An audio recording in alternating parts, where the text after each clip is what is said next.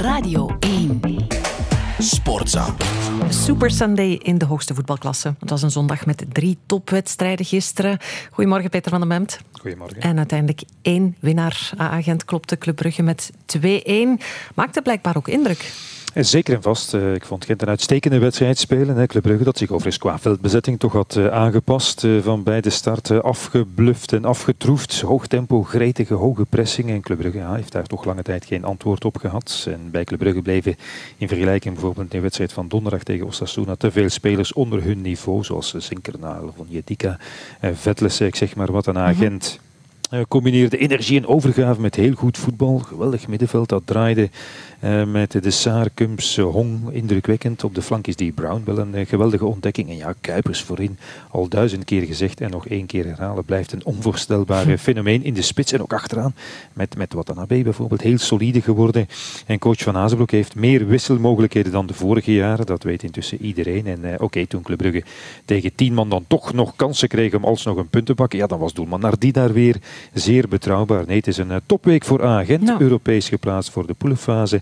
Orban en Kuipers aan boord gehouden. Dat had toch echt niemand gedacht dat Gent dat voor elkaar zou krijgen. En nu ook nog eens heel overtuigend gewonnen van eh, Club Brugge. En in Gent weten ze uit ervaring dat een mooie overwinning in de zomer tegen de rivaal, zelfs met 6-1 zoals een paar jaar geleden, niets garandeert.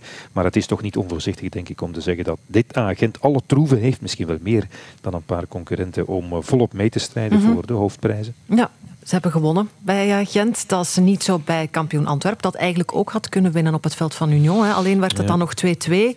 En dan toch ja, geen perfecte week voor Antwerp, denk ik. Nee, eh, Antwerpen heeft nogthans alle redenen om tevreden te zijn over de weken met die natuurlijke kwalificatie voor de poelenfase van de Champions League. Eh, maar de manier waarop Antwerpen ja, nu al voor de tweede keer eh, in de Jupiler Pro League een overwinning uit handen geeft, en zoals ook in Leuven, dat vinden ze niet zo prettig, zijn ze niet gewend. Eh, Twee keer eigenlijk te makkelijk een strafschop weggegeven, individuele foutjes, dat is niet wat we van Antwerpen gewend zijn geraakt vorig jaar. Wel in tegendeel en vaak niet echt goed gevoetbald, gisteren wel overigens, maar dan toch vaak klinisch afgemaakt, de nul gehouden.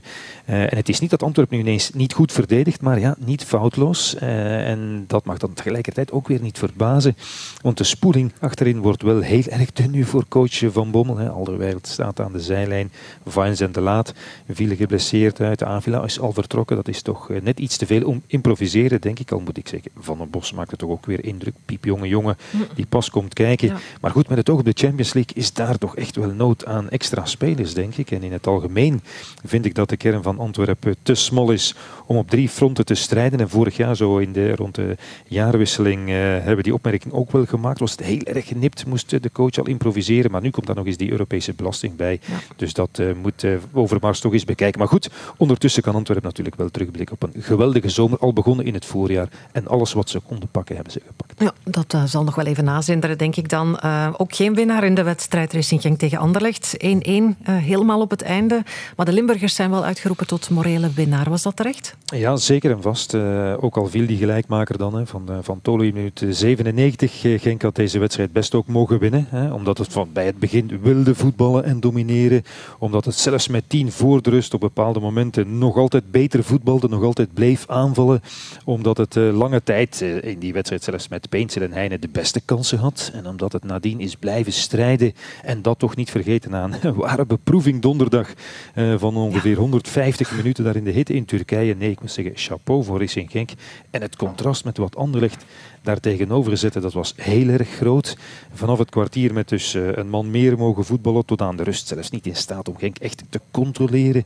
En na de pauze was dat wel beter, maar werd er zo traag, idelo, steriel gevoetbald dat het echt pijn deed aan de ogen met een paar negatieve uitschieters zoals Flips, die zijn goede eerste wedstrijd van tegen Westerlo maar niet kan bevestigen. Draaier, die staat er altijd in onder de coach Brian Riemer, maar alleen hij weet waarom, denk ik. En Riemer deed ook weinig eh, om zijn ploeg aan het voetballen te krijgen. Een andere veldbezetting, andere wissels, nee.